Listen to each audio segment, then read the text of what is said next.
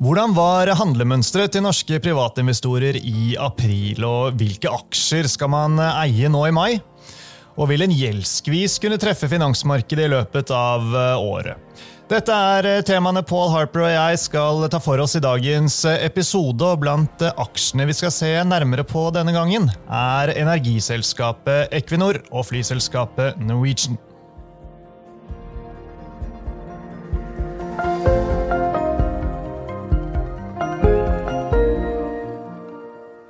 Velkommen til eh, Utbytte, DNB-podkasten der vi forklarer hva som skjer i den globale økonomien og eh, finansmarkedene. Jeg er Marius Brun Haugen, og med meg har jeg aksjestrateg Paul Harper. Hei, Paul. Hei, Marius. Ja, nå er det et par uker siden eh, forrige podkast sammen med deg, Paul, så det er definitivt på tide. Når vi sitter her i studio, så er det mandag 8 mai, men det er altså bare den femte handledagen på Oslo Børs eh, denne måneden. Så vi kan jo driste, opp, da, driste oss til en rask eh, oppsummering av eh, april, synes jeg. og Globale aksjer det steg jo i april. Hovedindeksen ved Oslo Børs var en av de flinkeste i klassen, den med en oppgang på nesten 3% SMP opp 1,5% til sammenligning. Sjømat utmerket seg positivt på sektornivå, annet, mens eh, flere råvarer og oljerelaterte aksjer falt litt eh, tilbake. Dette er jo historie, da. Men jeg synes du hadde en interessant observasjon i månedsrapporten din eh, som du sendte ut i forrige uke, der du pekte på at til tross for at oppgangen i markedet var relativt bredt basert, så gjorde defensive aksjer det bedre enn mange av de sykliske. Ja, det er jo ofte sånn at Når markedet er sterkt, så er det de mer sykliske aksjene som pleier å, å gjøre det best. og Det er jo gjerne fordi at uh, sykliske aksjer så er inntjeningen mer avhengig av utvikling i økonomien. så uh, Er man positiv på økonomien, så er det gjerne de sykliske som skal gjøre det best. Men uh, det at det var defensive aksjer som hadde den sterkeste utviklingen, gir i hvert fall noe inntrykk på at det var kanskje noe motvillig oppgang, kan du si. At investorene som følte de måtte være med, men de turte ikke helt å satse på de mer mer spenstige aksjene. og Det har holdt seg egentlig til eh, mer defensive aksjer, aksjer med sterk balanse, aksjer hvor eh, inntjening er relativt eh, lite korrelert med økonomien.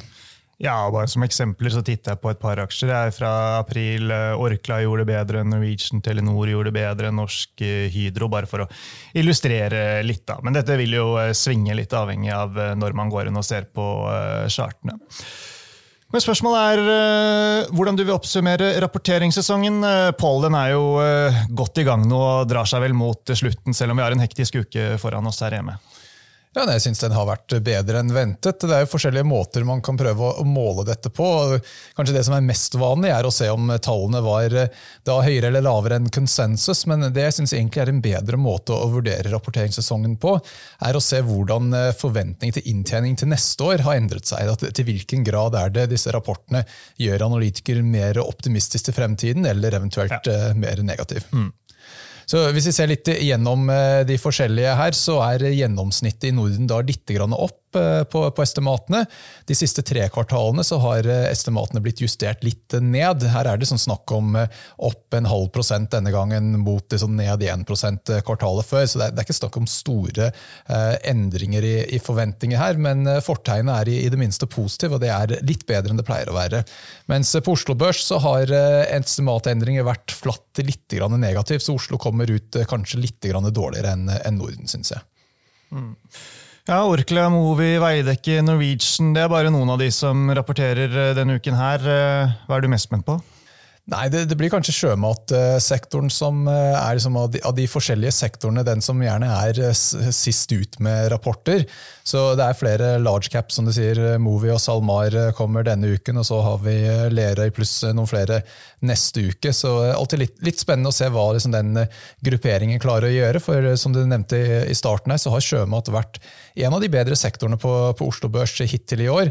Sesongmønsteret er jo gjerne sånn at sjømat gjør det bra frem til sånn cirka nå, og så er det litt, litt mindre spenstig gjennom sommeren. Så om sjømat kan liksom fortsette den gode utviklingen, er nok avhengig av at de leverer bra på eh, disse rapportene som kommer nå. Ja, Drar det noe ekstra nytte av den svake kronen? Ja, Det hjelper jo litt, eh, i hvert fall når det gjelder eh, som eksport. Eh, det, bidrar egentlig positivt til veldig mye på, på Oslo Børs. og Det er noe som kanskje er lett å glemme. at Når du ser på inntjening til de norske selskapene, så er det veldig mange som har enten tall som rapporteres i spesielt dollar, eller at de har en virksomhet som hovedsakelig er dollarrelatert. Så du har selvfølgelig alle oljeselskapene rapporterer i dollar, Yara rapporterer i dollar. men så har har det Hydro som rapporterer i kroner, men aluminium blir jo solgt i, i dollar. så sånn sett så Hvis du summerer opp alt som egentlig er slags utenlandsk valuta, som er sånn driftsbasen til selskapene, så kommer du opp i en to tredjedeler pluss av, av Oslo Børs. Så krona har mye å si. I mange tilfeller så er det egentlig bare en sånn type vekslingssak, men det, det er jo også relevant. Andre ganger så kan det slå enda litt mer hvis du har inntekter i f.eks. dollar dollar og kanskje kostnader i kroner, så får du en slags giret effekt av dette. Hittil i år så er eh, OCBX eh, ikke den eh, beste i klassen. Bare opp rundt 2% SMP 500 til sammenligning opp 8% Europasamleindeksen 10 og Nasdaq-indeksen, teknologitunge amerikanske indeksen, opp 17 men uansett om vi ser eh, hjemme eller ute, Pål, eh, så er det vel riktig å si at investorsentimentet det er litt forsiktig? Ja, det tror jeg er eh, riktig å, å, si. og Det er jo selvfølgelig også forskjellige måter man kan måle dette på. Den som vi bruker kanskje mest, er en sånn ukentlig spørreundersøkelse som eh, blir kalt Bull og Bear Survey, hvor investorer blir spurt om de tror markedet skal opp eller ned de neste seks månedene. Og Den har jo vært eh, under null nå nesten kontinuerlig de siste ja, i hvert fall halvannet året. Så vanligvis når den er veldig negativ, så er det et godt tidspunkt å kjøpe aksjer på. og Tilsvarende når den er veldig positiv, så er det et salgs signal. Men nå har vi da hatt eh, en, en, veldig lang periode hvor sentimentet har vært eh, negativ.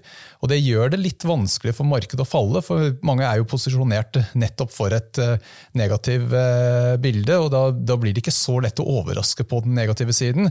Men når det er sagt, så du trenger noe mer enn bare at mange er negative. Hvis det går dårlig for bedriftene, så er det ikke så lett å få aksjene til å stige, selv om mange er posisjonert for det. Så litt sånn jevnt dårlig sentiment er kanskje en av de faktorene faktorene som har bidratt til eh, oppgangen vi har sett i år.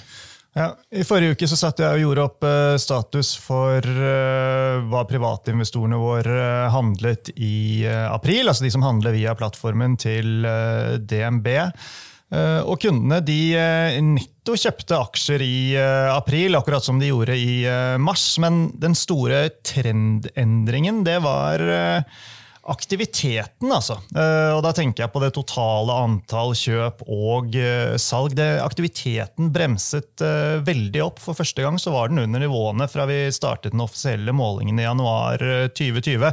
Klart påsken spiller inn her, da, for da blir det en del ekstra mindre handledager. men men likevel så virker det som det er en del som sitter på gjerdet nå og så var det jo også en april, en, en måned hvor volatiliteten var eh, ganske lav. Og det er klart, da skaper det også mindre tradingmuligheter.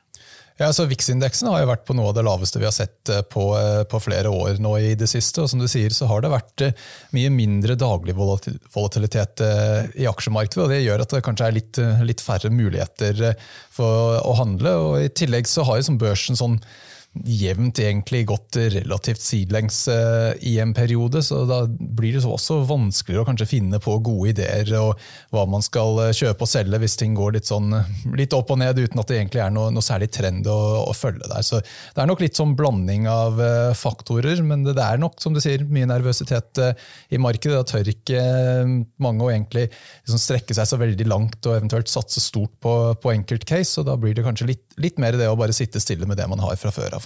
Ja, og når vi ser på uh, hva slags aksjer som uh, kundene handler i, så er det mye av det samme som vi har sett uh, tidligere i år. Det er mye energi, energiaksjer. aksjer som Vår Energi, Aker BP, Equinor. også Norwegian er som regel med på, på topplisten. Norwegian skal vi også snakke litt mer om mot slutten av episoden. Men før det, eh, det er et par ting som eh, ja, vi kan kanskje si eh, dessverre er i fokus nå, og som det er greit å følge litt ekstra med på. Det ene er uroen rundt de amerikanske regionbankene. Det kommer vi ikke helt uh, utenom. Uh, som du har sagt før, Pål, banker er viktig for økonomien, og utviklingen til sektoren gir signaler for det bredere markedet, og det faktum at de amerikanske bankene ikke har hentet inn fallet fra den største uroen i mars, det er ikke så oppmuntrende. Nei, jeg syns i hvert fall når eh, de var såpass eh, oversolgt, hvis det viste seg at dette her var bare en slags eh, si, begrenset problem for noen enkelte regionbanker, så skulle man da kanskje ha sett en litt mer overbevisende eh, rekyl, syns jeg, i, i, de, i hvert fall de større bankene i USA. Det har jo vært eh, litt begrenset, kan du si. Det kom litt opp, og så har det kommet litt, litt ned igjen, men jeg syns det er langt fra overbevisende, det vi har sett der. Så eh, Store spørsmål er til hvilken grad dette er eh, noe mer systematisk eller ikke. Og På den ene siden så er det jo mange som sier at eh, ja, nå er jo bankene mye mer solide enn de var før finanskrisen, og det er jo helt, helt riktig. Men et problem som man kommer aldri helt bort fra i bank, er at uansett hvor solid banken er, hvis alle kundene velger å trekke pengene ut samtidig, så går enhver bank over ende. Så bank er litt sånn unik i forhold til de andre sektorene, at det er en bransje hvor det er avhengig av tillit eh, fra kundene og eh, investorene. og Hvis den tilliten begynner å svekkes, da, da er det egentlig ikke så voldsomt mye man får gjort. Som, som alt, man bygger tillit eh, gradvis, og det kan bli borte, borte veldig fort. Så. Ja, så har vi liksom ikke noen måte for å fastslå hvor alvorlig denne tillitskrisen er før man plutselig ser resultatet i det, i form av at um, folk tar ut penger av en masse.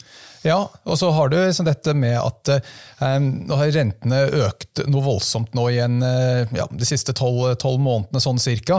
Og spørsmålet var liksom, ja, hva, hva, er det som kommer til å da knekke når man tar renten opp såpass mye? og det, det, virker som vi kanskje har fått svaret nå, at det er nettopp disse regionbankene. For da, da blir det til at eh, da har du et alternativ istedenfor å eh, ha pengene i banken til en halv prosent rente, så kan du f.eks. sette det i noen sånn type money market-fond som er tilsvarende lav risiko eller muligens lavere risiko hvis du er redd banken skal gå over ende, men der kan du få en sånn, sånn type 4 eh, avkastning. Så det er klart De har et slags reell konkurrent eh, for eh, hvor du kan eventuelt sette penger uten å måtte sette de i aksjer. Um, og så har det også det at mange av disse bankene har kjøpt statsrenter som statsrentepapirer på, da når de kjøpte det på veldig lave renter, og nå når rentene kommer opp, så sitter de på en god del urealiserte tap her. og Da er det litt sånn spørsmål kan de sitte der helt til forfall, eller må de realisere noen av disse tapene? Mm. Og noe verken vi eh, eller den amerikanske sentralbanken eh, for den saks skyld, eller andre vet, eh, er, det er hvor mye bankene, både i USA og her i Europa også for så vidt, vil stramme inn utlånspraksisen sin, og hva som blir ringvirkningene av det. Og En ting som jeg har tenkt da, i mitt enkle hode, det er som følger. altså Selskaper som er i eller nær finansieringstrøbbel, de vil jo ikke få det lettere. Tvert imot. Enten så skal eh, rentene videre opp, eller så strammer bankene til. Og det blir dyrere å finansiere seg eh, uansett. Og dette her, det vil vel øke sannsynligheten for at noe eller noen havner i problemer som trigger uro i markedet, Pål. Altså, vi vet jo selvfølgelig ikke hvem, vi vet ikke hvor, vi vet ikke når.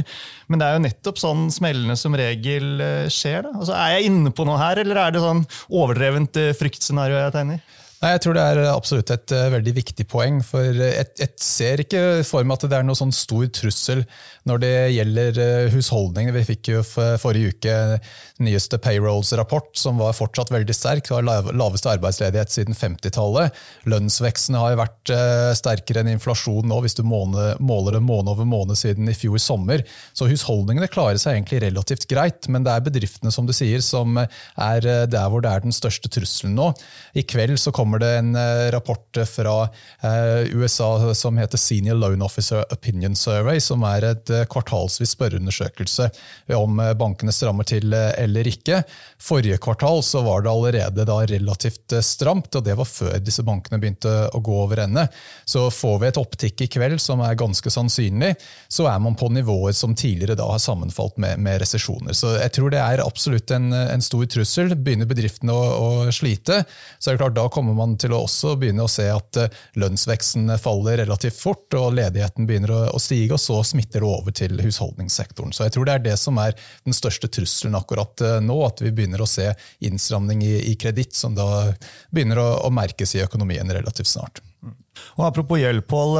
I det siste så har vi sett at denne bekymringen eller usikkerheten rundt det amerikanske gjeldstaket har blusset opp igjen. Det gjør jo det med jevne mellomrom. Er det noe mer enn en støy denne gangen? Det har jo det det har vært, vist seg da, å være de tidligere årene når dette har vært på agendaen. Ja, Det er alltid litt vanskelig å si. Det er jo kanskje litt det at eh, fronten i amerikansk politikk har blitt mer og mer polarisert uh, de siste årene, så da er kanskje trusselen enda litt større denne gangen enn det har vært uh, tidligere. Så Det er veldig vanskelig å, å, å, å, gi noe godt svar på det. Jeg tror de aller fleste antar at det ordner seg på et eller annet vis i siste liten, men det er nettopp det at ingen av sidene har egentlig noe insentiv til å komme med noe særlig løsning før det er i tolvte time, så da må vi liksom sitte og vente helt til siste slutt. Men da har du også liksom den risikoen at det faktisk blir en overraskelse, at de ikke kommer frem til noe, nettopp fordi at man antar at fornuften seirer til slutt, og at det blir en eller annen løsning. Bankeroen påvirker behovet for eh, renteøkninger, eh, men det virker som finansuroen da, eh, også påvirker oljeprisen. Jeg har ikke noe veldig stort belegg kanskje for å komme med den påstanden, men oljeprisen er nå en gang midt på 70-tallet, til tross for at OPEC annonserte dette overraskende produksjonskuttet i påsken. Og dette trer i kraft da, fra nå i mai. Eh, bra for inflasjonspresset på litt sånn overordnet eh, basis, men ikke så bra for eh, energisektoren, Pål, ettersom konsensusforventningene til oljeprisen vel er høyere enn det den er nå? Ja, det er Konsensus er jo et godt stykke opp på 80-tallet et sted når det gjelder brent olje. i hvert fall. Så Dette er jo en av de krysspeilingene som kan si at ja, hvis det er enkelte tegn til at økonomien kanskje begynner å miste litt fart, så kan man også legge på, på, den listen utvikling i, i, oljeprisen og en del andre råvarer som også egentlig er eh, kanskje litt slappere enn vi hadde forventet. For Du har liksom et sånt eh, bullcase basert på den Kina-gjenåpningen, og det er klart det har jo bidratt eh, positivt. men til tross for det så kommer da en del råvarepriser ned, og det tyder kanskje på at det er noe svakhet eh, andre steder eh, som eh, da kanskje har vært noe svakere enn forventet. Så jeg må si at det skulle, ville vært mye lettere å egentlig være positiv til veksten hvis vi hadde sett oljeprisen stige nå. Og som du sier, denne oljepris- eller produksjonskuttet fra, fra OPEC ga et lite løft, men det tok ikke veldig lang tid før oljeprisen begynte å komme ned igjen, så det tydet på at det var egentlig short covering som trakk prisen opp igjen. og da, når det var gjort, så, så var minste motstandsvei ned igjen. Mm. Renter og inflasjon det er uh, åpenbart uh, fremdeles et uh, tema vi må forholde oss til. Den amerikanske sentralbanken Fed økte renten til 5,25% i forrige uke. Noen tror at det er siste heving. Makrogjengen vår er på huset og holder en knapp på at det blir en kvarting til i juni. Den månedlige amerikanske jobbrapporten som du nevnte i sted, Pål, den eh, peker vel i retning av en heving til, den, eller hva? Ja, det var i hvert fall eh, litt på den uh, haukete siden, kan du si. Så det er litt sånn uh, usikker. Jeg er kanskje ikke like overbevist som makroøkonomen at det kommer en renteheving til. Og det er heller egentlig ikke futures-markedet. Så når vi ser på Fed Funds Futures, så, så er liksom oddsen for én til relativt uh, lavt. Så jeg tror liksom konsensusforventning er at renten skal nå ligge flatt gjennom sommeren, og så skal det komme kutt i september. Um, og det som kanskje er litt mer spenstig markedsforventning, er at det da skal komme kutt egentlig både september, november og desember, og at du da skal ha en lang rekke med kutt igjennom neste år også. Så, så akkurat det bildet der, eh, om det blir en, en, økning til eller ikke, er ikke liksom så viktig, kanskje. Det er egentlig den, det tempoet med hvor fort disse kuttene kommer, som er kanskje det som er mest interessant nå, syns jeg. Men har markedet rett i det, da, eller er det litt på eh, bærtur? Da betyr jo det, da, hvis eh, Fed skal begynne å kutte, at vi vil se et veldig veldig tydelig omslag i favør av eh, mye svakere økonomi og, og, og kanskje også makrodata nå fram mot og gjennom sommeren? Altså jeg synes Det er noe som begynner å ligne en litt frakobling her mellom aksjer og, og renter. For eh, markedet da priser inn eh, sånn ca. ni rentekutt nå i løpet av de neste 18 månedene. sånn, eh, sånn cirka.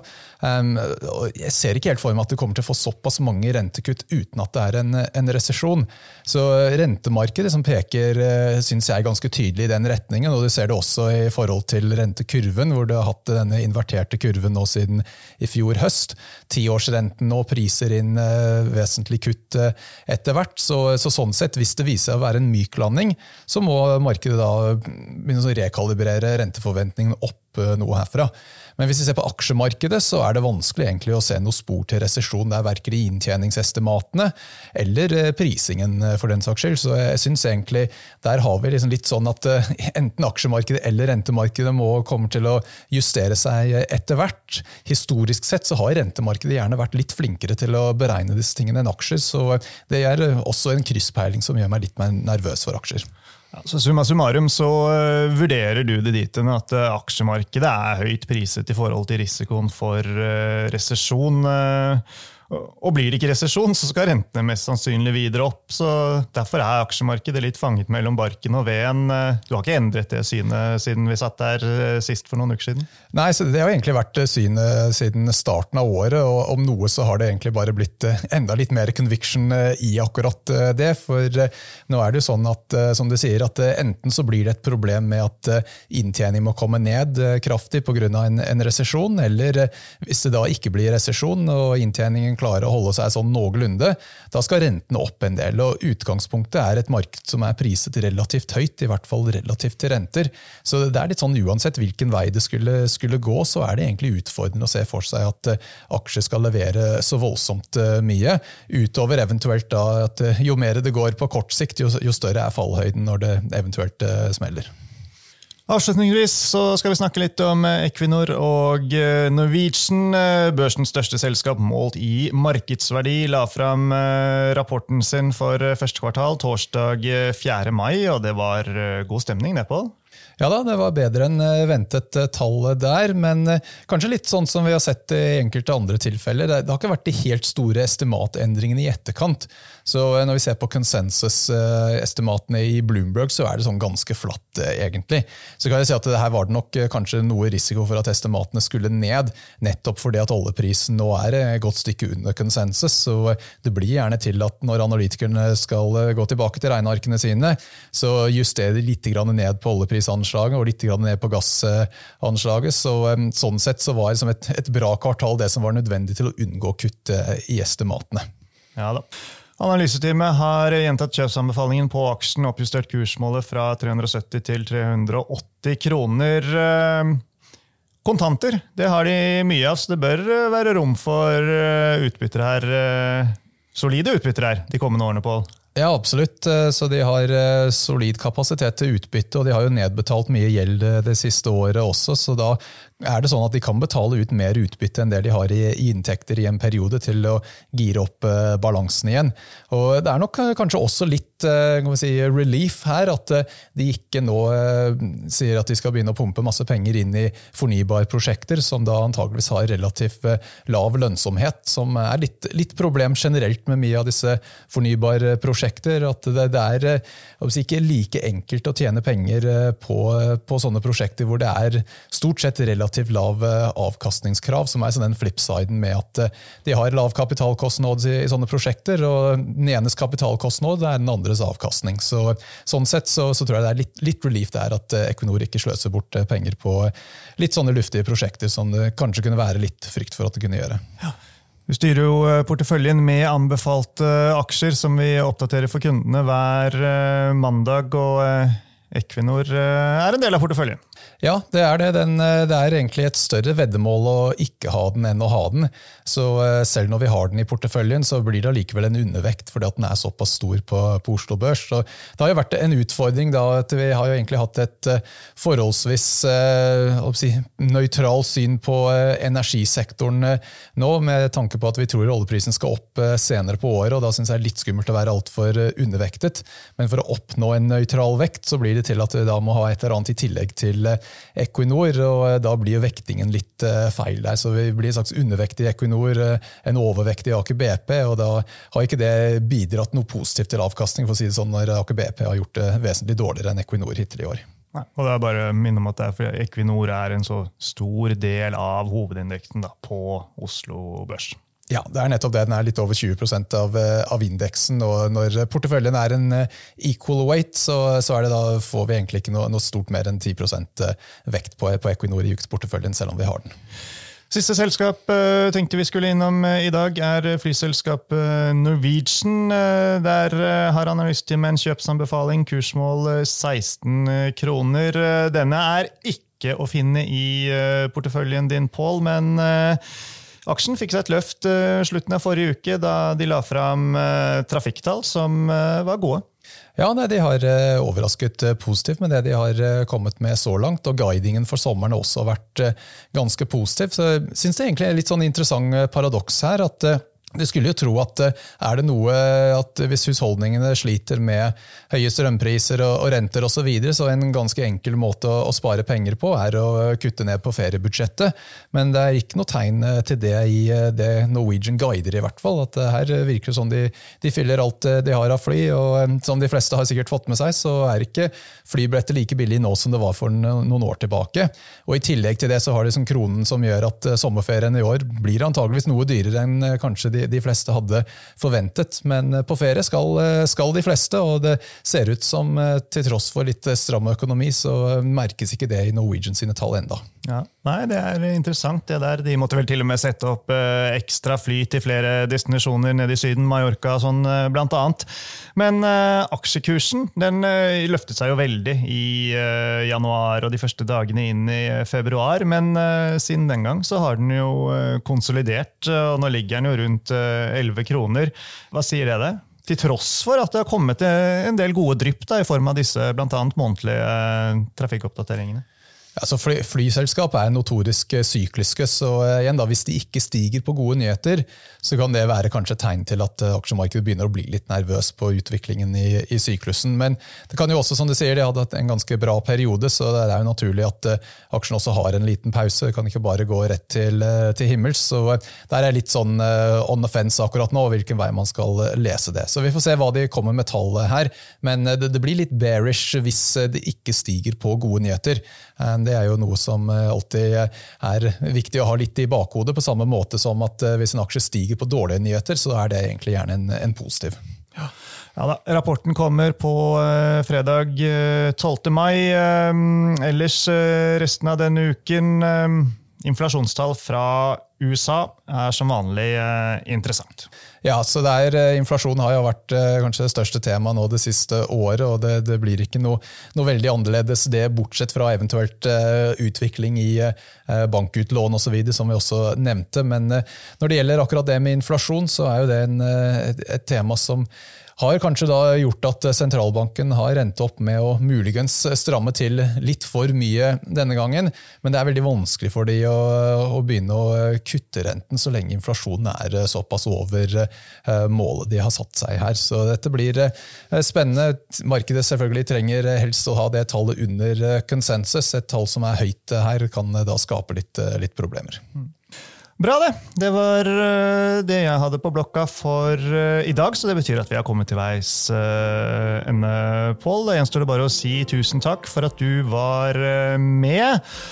Og liker du som lytter podkasten, så vil vi gjerne at du legger igjen en kommentar eller gir oss en hyggelig rating. Og dersom du har ønsker om gjester vi skal invitere, temaer vi skal ta opp eller aksjer vi skal kommentere, så kan du sende oss en mail på utbyttepodden at dnb.no no.